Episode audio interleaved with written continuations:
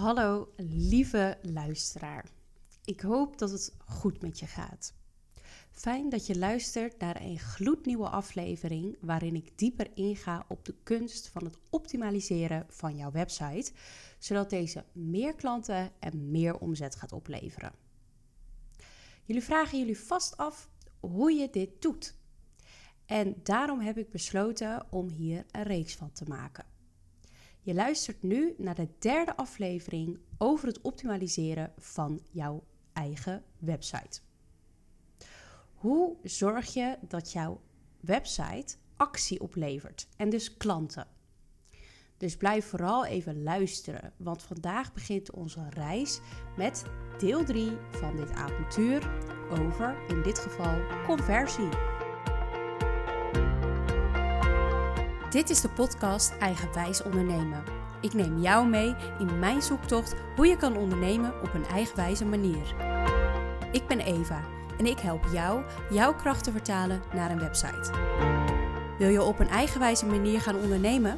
Volg dan deze podcast zodat we samen de reis aan kunnen gaan.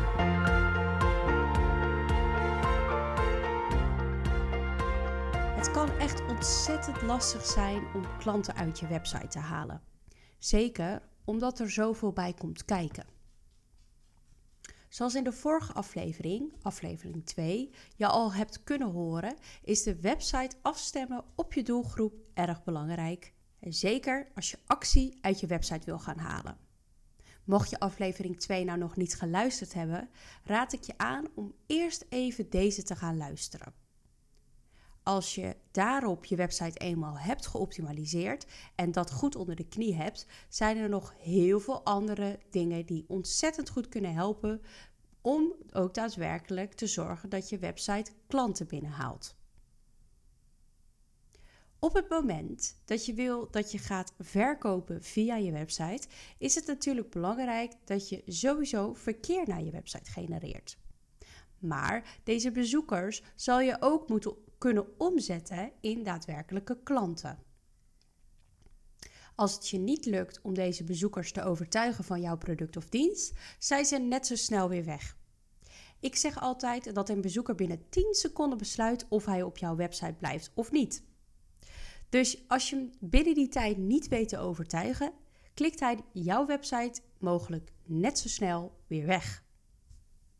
Een groot onderdeel hiervan, eh, zoals je in de vorige aflevering al hebt kunnen horen, is ook de doelgroep.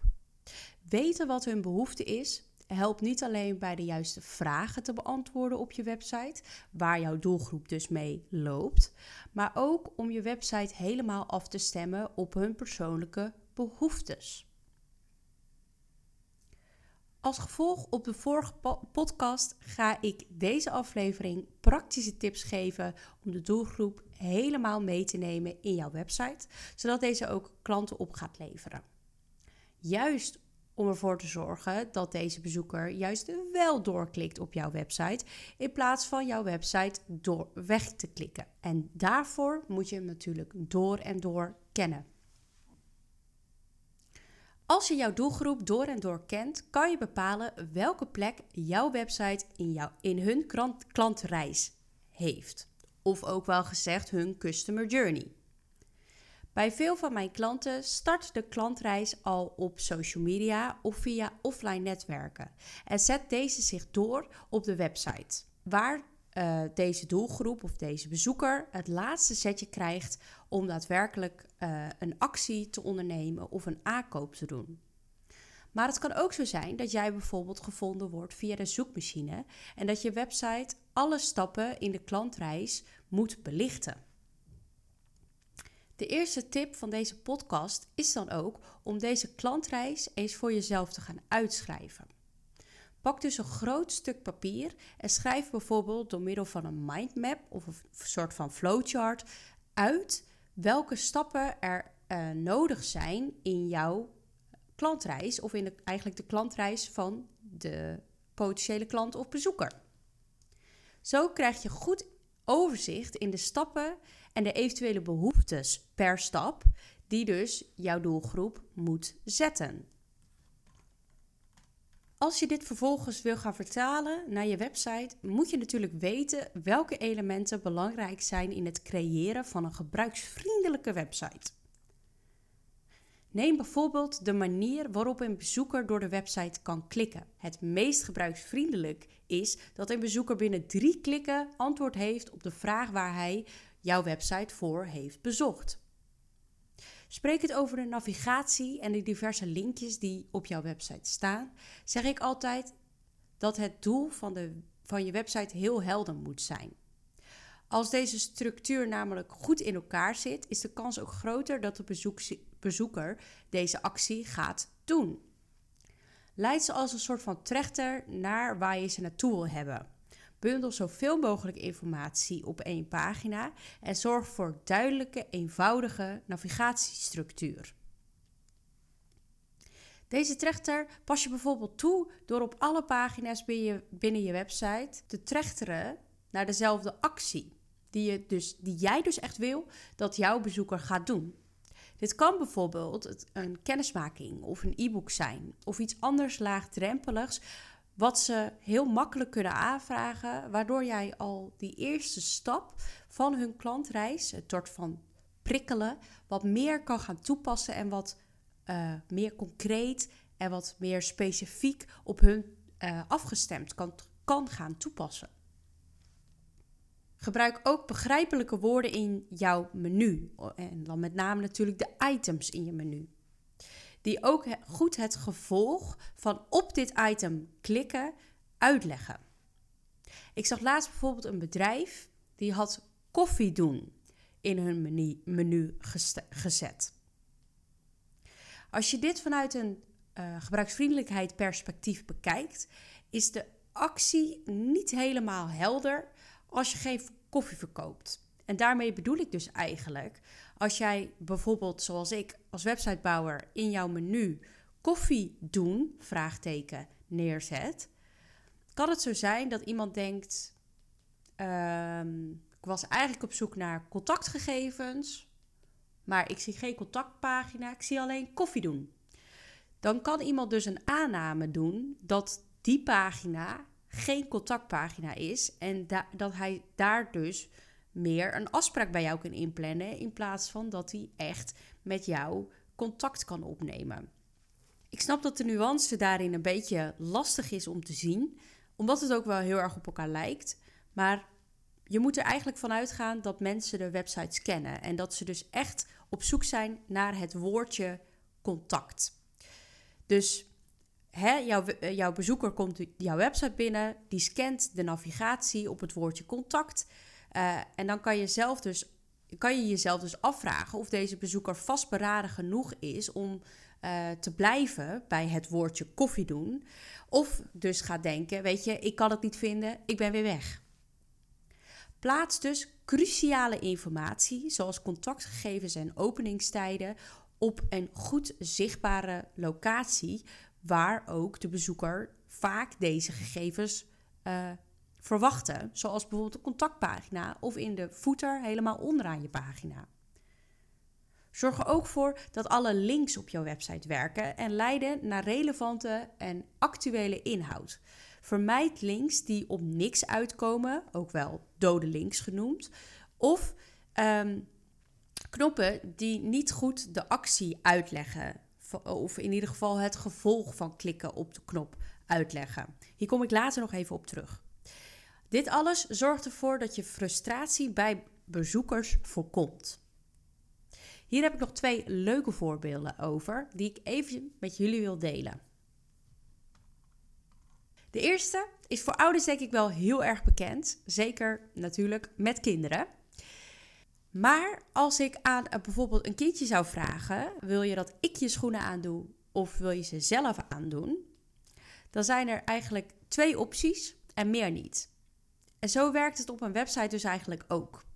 Vanuit een psychologisch perspectief vinden we opties hebben fijn. Maar te veel opties kunnen ook weer afschrikken en daardoor kiezen we helemaal niet. Hier kom ik later nog even op terug. Maar ik heb nog een voorbeeld die hier goed op uh, aansluit. Als ik bijvoorbeeld een bakker binnenkom en ik sta voor uh, uh, de optie een chocolade brownie, een chocolade muffin of een chocoladetaart, dan kan het dus zo zijn dat ik daartussen kiezen veel te moeilijk vind. Want die keuzes lijken zo erg op elkaar. En ik weet natuurlijk wel hoe het smaakt.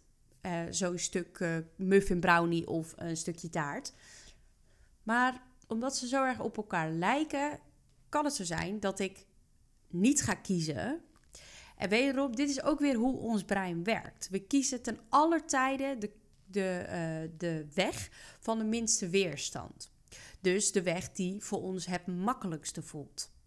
En uh, op het moment dat iemand dus uh, keuzes voor zich ja, voorgeschoteld krijgt die voor hem te erg op elkaar lijken, zijn we dus geneigd om niet te kiezen, want we weten niet welke keuze voor ons het beste is.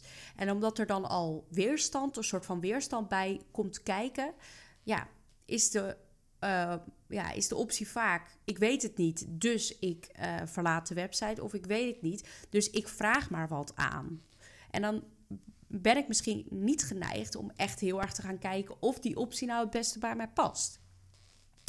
Dus maak het daarin zo laagdrempelig en makkelijk mogelijk en leid ze als een trechter naar één uh, actie, bijvoorbeeld een kennismaking of een e-book, waarvan jij wil dat zij die gaan doen.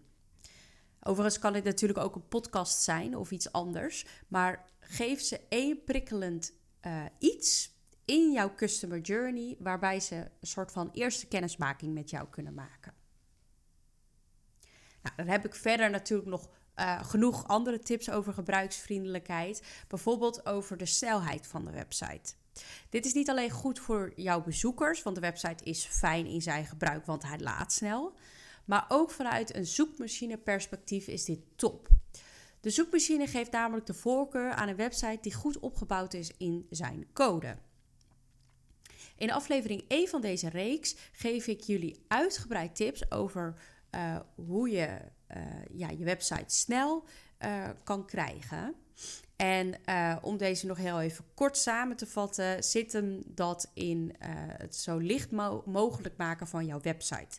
Dus kleine afbeeldingen, zo min mogelijk code, goede hosting en caching helpen allemaal om jouw website sneller te maken. Mocht je hier geïnteresseerd in zijn, ga dus even naar de eerste aflevering van deze reeks uh, en daar vind je de alle tips nog terug. Nou, de volgende tip is: maak je website natuurlijk zo toegankelijk mogelijk voor de doelgroep. Of misschien heb jij wel verschillende doelgroepen. Als jij weet wat een dat een groep van bijvoorbeeld 60-plussers jouw website heel veel bezoeken, kan je bijvoorbeeld rekening houden met het lettertype wat groter maken. En misschien vind jij dit dan voor jouw website niet zo heel mooi. Maar je moet eigenlijk zorgen dat jouw website zo toegankelijk mogelijk is voor de mensen waarvoor die eigenlijk gemaakt is. Dus zorg ook dat je website toegankelijk is voor juist die groep mensen uh, die bijvoorbeeld behoefte hebben aan verschillende uh, ja, manieren van die website te bekijken. Dus echt de verschillende vaardigheden en behoeftes, dat je daar je website op afstemt. Om ook even te herhalen wat ik in aflevering 2 weer heb gezegd, is zorg dat je website goed functioneert op verschillende schermen. En dan met name natuurlijk het scherm waarvan jouw bezoekers het meeste gebruik maakt. Zoals ik in, in die aflevering ook al heb uitgelegd, zijn er verschillende meetapparatuur die je dus kunt uh, gebruiken op je website. En die kunnen onder andere meten op welk scherm jouw website het meeste wordt bezocht. En goed responsive ontwerp is dus ook niet meer weg te denken uit deze tijd.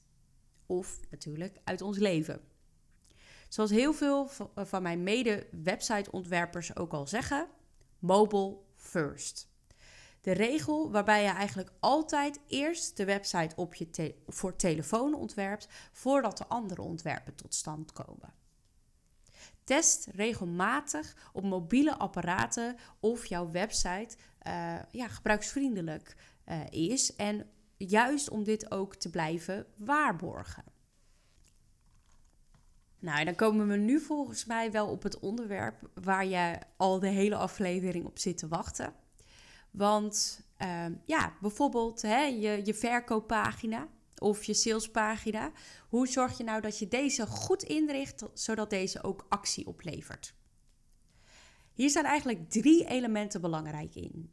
1. De opbouw van de pagina. 2. De tekst die je op deze pagina gebruikt. En 3. De knoppen. Nou, begin het met de eerste, de opbouw van de pagina. Ik heb net al een beetje gezegd, maar je wil eigenlijk een bezoeker meenemen door alle stappen van zijn customer journey of vragen die hij gedurende zijn klantreis heeft.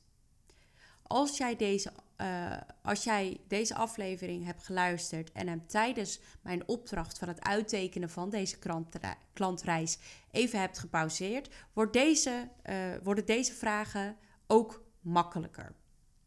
Maar op een verkooppagina voor een dienst zijn de volgende vragen over het algemeen wel handig om antwoord op te geven. 1. Voor wie is het? En wat is het? Wat is het resultaat van, deze product, van dit product of deze dienst? Hoe ziet een samenwerking er met jou uit? Dus leg wat uit over jouw werkwijze. Ook vinden we het fijn om wat succesverhalen of reviews te lezen. Dus neem dat ook op in deze salespagina. Soms zijn veel gestelde vragen ook nog wel handig om op te nemen. Dus zo'n FAQ-blokje. Uh, uh, en de laatste is eigenlijk oproepen tot actie, waarbij je de voordelen nog één keer belicht en ze daarna uh, ja, een knop in handen geven om dat product of die dienst ook echt te gaan aanvragen. Voor een fysiek product, bijvoorbeeld in een webshop, zijn dit ook wel vragen die je kunt beantwoorden. Alleen zijn de antwoorden misschien iets bondiger dan bij een dienst. En waar het voor een salespagina belangrijk is om gedurende de pagina elke keer dezelfde actie weer terug te laten komen, wil je in een uh, webshop dat de actieknop dusdanig opvallend is en dat er ook maar eentje is uh, um, die heel erg opvalt, waardoor ze eigenlijk geen keuze krijgen behalve het product in het winkelmandje toe te voegen. Voor een dienst is het ook raadzaam om alle knoppen op de pagina naar dezelfde actie te laten leiden. Denk even terug aan die trechtertactiek um, die ik eigenlijk eerder schetste, leidt ze echt naar het punt waarvan jij wil dat ze daar naartoe gaan. Geef ze zo min mogelijk keuzes en zo min mogelijk afleiding totdat ze ja, die specifieke actie echt hebben toegepast uh, op jouw website. Nou, als je dat dan allemaal hebt weten toe te passen op je website, hebben we het nog over de, uh, de woorden die jij eigenlijk gaat gebruiken op zo'n pagina. Terugkomend op de uitspraak, je moet de antwoorden geven op de vragen waar je bezoeker mee loopt. Dan moet je dus eigenlijk alleen antwoorden gaan geven op hun vragen. En het liefste ook nog in exact de woorden die zij gebruiken. Als jij vakjargon gaat gebruiken, wat de, waar de bezoeker niet bekend mee is, dan kan het zo zijn dat ze dus daarop afhaken. Wat je juist wel kan doen, als je dat weet van jouw doelgroep, is uh, blog schrijven of uh, podcasts gaan delen als jouw doelgroep meer van het luisteren is. Maak jouw website dus zo aantrekkelijk en relevant mogelijk voor jouw bezoeker. En maak dus of ga ook echt content creëren die past bij je doelgroep. Gebruik heldere, begrijpbare taal en verdeel je content in gemakkelijke, scambare secties uh, met duidelijke koppen of sub subkoppen. En blijf vooral consistent in jouw boodschap en de woorden die je gebruikt. Het consistent blijven in je branding is een belangrijk element van verkopen. Behoud een constante merkidentiteit met betrekking tot kleuren, lettertypes en jouw tone of voice. Verder moet je natuurlijk kiezen voor een leesbaar lettertype en een, letter, en een geschikte lettergrootte, zodat alles wat jij uh, zegt op jouw website ook goed leesbaar is. Op de kleuren voor deze lettertypes of het contrast tussen het lettertype kleur en de achtergrond kom ik nog even later terug. Daarover wil ik nu alleen even zeggen dat je moet zorgen voor voldoende contrast. Nou ja, en dan komt die, hè, de knoppen. Want hoe zorg je nou dat je een knop maakt die ook daadwerkelijk actie op gaat leveren? Ik begin even met wat basisregels. Een knop moet in zijn basis altijd goed opvallen in het ontwerp van jouw website.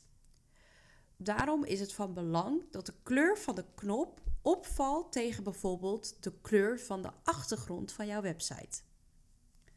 Wat, ik, wat je dus vaak ziet, is dat er de tegenovergestelde kleur uit de kleurencirkel wordt gepakt. Dus bijvoorbeeld een blauwe achtergrond met een oranje knop ervoor. Daarnaast maakt de grootte van de knop ook uit.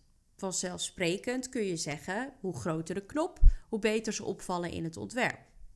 Maar ook hoe meer ruimte jij creëert in jouw ontwerp, hoe meer rust uh, jouw ontwerp uitstraalt, hoe meer ook die knop er weer tussen uh, opvalt. Ook is het goed om twee stijlen van knoppen te bedenken. Eén die minder opvalt in het ontwerp. Dit is vaak de knop die je dan gebruikt uh, voor een actie die je eigenlijk liever niet hebt dat, die, dat ze het, die ze gaan doen, maar wel als optie wil bijgeven. Zoals bijvoorbeeld meer informatie lezen over een bepaalde uh, bepaald product of dienst. En dan heb je eigenlijk daarnaast vaak die knop staan van maak nu kennis of kennis maken. En die moet eigenlijk dan meer opvallen. Het is dus raadzaam om een knop van kennis maken meer te laten opvallen dan die lees meer knop. Dit kan je bijvoorbeeld doen door de actie die je minder wil laten opvallen alleen uh, in de knop te omlijnen in dezelfde kleur als de tekst. En de knop die je eigenlijk wil dat ze gaan uh, ja, pakken, daar de actie op gaan uitvoeren, ehm, dat je die een contrasterende kleur geeft. Nou, dan heb ik het natuurlijk al een beetje gehad over hoe je zo'n knop dan kan vormgeven. Maar de laatste is eigenlijk eh, ook hartstikke belangrijk. En dat is de tekst van de knop. Het is voor de gebruiker fijn om te weten wat de gevolgen zijn van op een knop te drukken.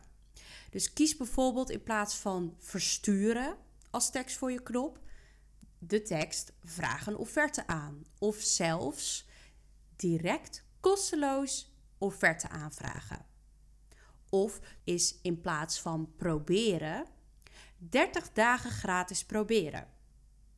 De klant weet dan precies wat hij gaat doen uh, als hij op deze knop klikt. Ik zeg altijd: ontwijk de teksten zoals lees meer, klik hier, meer informatie. Deze teksten zijn helaas niet overtuigend genoeg om de klanten aan te zetten tot actie. Wat ik altijd fijn vind, is eigenlijk de waarde te herhalen. Dus uh, inderdaad, wat ik zeg, 30 dagen gratis proberen. Uh, want dat zet echt om tot actie. En eigenlijk de bezoeker zo vrijblijvend mogelijk maken om op de knop te klikken. Dus het moet gewoon lekker makkelijk zijn om op die knop te klikken. Laat je actie vooral opvallen in het design, want de meest gemaakte fout is een actie die niet opvalt. De belangrijkste actie moet dus opvallen, herkenbaar zijn en logisch geplaatst staan. Om jouw website dat extra beetje te kunnen gaan optimaliseren, kan je ook analyse tools uh, installeren, zoals bijvoorbeeld zo'n Google Analytics. Zo kan je het gedrag van je uh, gebruikers beter begrijpen. Op deze manier kan jij continu verbeteringen aanbrengen aan je website. Zoals ik wederom ook al in aflevering 2 heb, uh, ja, helemaal heb uitgelegd, zei ik ook dat je bijvoorbeeld zo'n AB-test kan toepassen om te kijken welke knop of tekst beter werkt.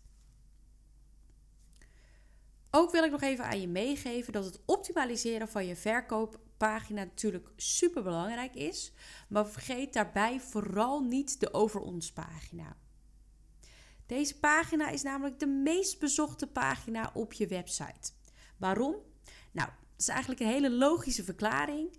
De bezoeker wil altijd weten met wie ze te maken hebben. Dus maak ook deze pagina echt persoonlijk. Waar ga jij nou als ondernemer op aan? Uh, wat zie je bijvoorbeeld misgaan in jouw branche? Of waarom ben jij je onderneming gestart? Of hoe ben je jouw onderneming gestart? Of wat geeft jou die peper in je reet?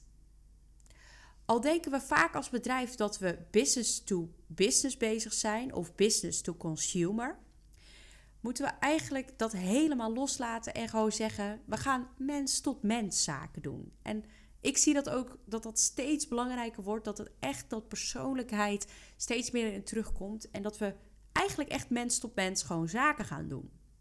Ik zie meestal dat bedrijven zich focussen op de perfecte homepagina of de perfecte salespagina. Maar ze zouden eigenlijk veel meer focus mogen leggen op juist die over ons pagina. Nou, tot slot wil ik het nog heel even hebben over de kleuren en de lettertypes. Ik heb het net bij de buttons al even over kleurgebruik gehad. En daar wil ik nog heel eventjes dieper op ingaan. Je hebt bepaalde tools op het internet waarop je bepaalde kleuren kan testen op leesbaarheid en zichtbaarheid. En dus hun kleurencontrast. Zo'n tool geeft dan aan of de kleuren op elkaar kunnen en uh, of ze jouw uh, ontwerp eigenlijk gaan versterken. Maar ook bijvoorbeeld mensen die kleurenblind zijn, kunnen zij jouw knoppen goed lezen. Kijk bijvoorbeeld, zoek eventjes op Google naar Color Contrast Check en uh, kijk even of je website dan genoeg contrast heeft. Bij het kiezen van de juiste kleur voor jouw website is het raadzaam om vast te houden aan jouw huisstijlkleur, of course, maar ook om niet meer dan drie of vier kleuren te gebruiken in jouw website. Nou ja, en dan nog een beetje uh, de, het, de invloed van de kleur natuurlijk op een bepaald gevoel. Uh, ga ik nog heel eventjes snel de kleuren langs. Blauw staat echt voor vertrouwen, helderheid, wordt dus ook vaak zakelijk gezien gebruikt. Bruin heeft iets aards en iets evenwichtigs. Rood is vaak warmte en kracht, maar staat natuurlijk ook voor liefde. Oranje is vaak vrolijk, veilig. Um, geel geeft ons een soort van creatief of licht gevoel. Uh, groen staat natuurlijk voor de natuur, gezondheid. Uh, roze, liefde en zorg. Kwaliteit uh, en luxe match je vaak bij paars. Grijs heeft toch, toch een beetje dat elegante of neutrale. En zwart, ja, dat is eigenlijk heel klassiek, heel chic, heel geraffineerd. Kies de kleur van jouw website niet omdat je hem zelf mooi vindt, maar vooral omdat je wil dat jouw potentiële klant jou kiest. Dus match de kleur niet omdat jij hem mooi vindt, maar echt omdat hij voor de doelgroep aansluit. Nou ja, wat betreft de uh, lettertypes is het belangrijk dat je kiest voor maximaal drie lettertypes voor je website. Uh, ook moeten deze lettertypes uiteraard goed leesbaar zijn. Kies voor de leestekst en leesbaar lettertype en speel ook een beetje met regelhoogte of letterafstand, zodat je kan kijken of de tekst daardoor bijvoorbeeld leesbaarder wordt. Of misschien kan je de website, de, de, de uh, tekst volledig in, in hoofdletters zetten, waardoor ze weer meer opvallen. Vind ik ook altijd wel leuk om daar een beetje mee te spelen. Dit zijn eigenlijk voor mij de belangrijkste en de meest concrete tips die jij kunt toepassen aan het verbeteren van jouw website, zodat hij wel klanten gaat opleveren. Ik hoop dat het je gaat lukken en ik wil je aanmoedigen om alle geleerde strategieën ook te gaan toepassen op je website. Wil je tips uit deze podcast graag nog even teruglezen? Of wil je je website graag verbeteren zodat je deze goed afstemt uh, op de acties? Volg dan even de link in de omschrijving van deze podcast en lees alles nog eens terug op mijn website. Vergeet ook zeker niet mijn gratis website optimalisatie kompas, het geheim van een succesvolle website, te downloaden. Ik hoop dat je iets uit deze aflevering hebt gehaald. Onder deze aflevering stel ik ook altijd de vraag waarmee je dus invloed hebt over, op het thema van de volgende aflevering. Vul deze vragen dus ook even in als je hier aan wil meebeslissen. Bedankt voor het luisteren en tot de volgende keer.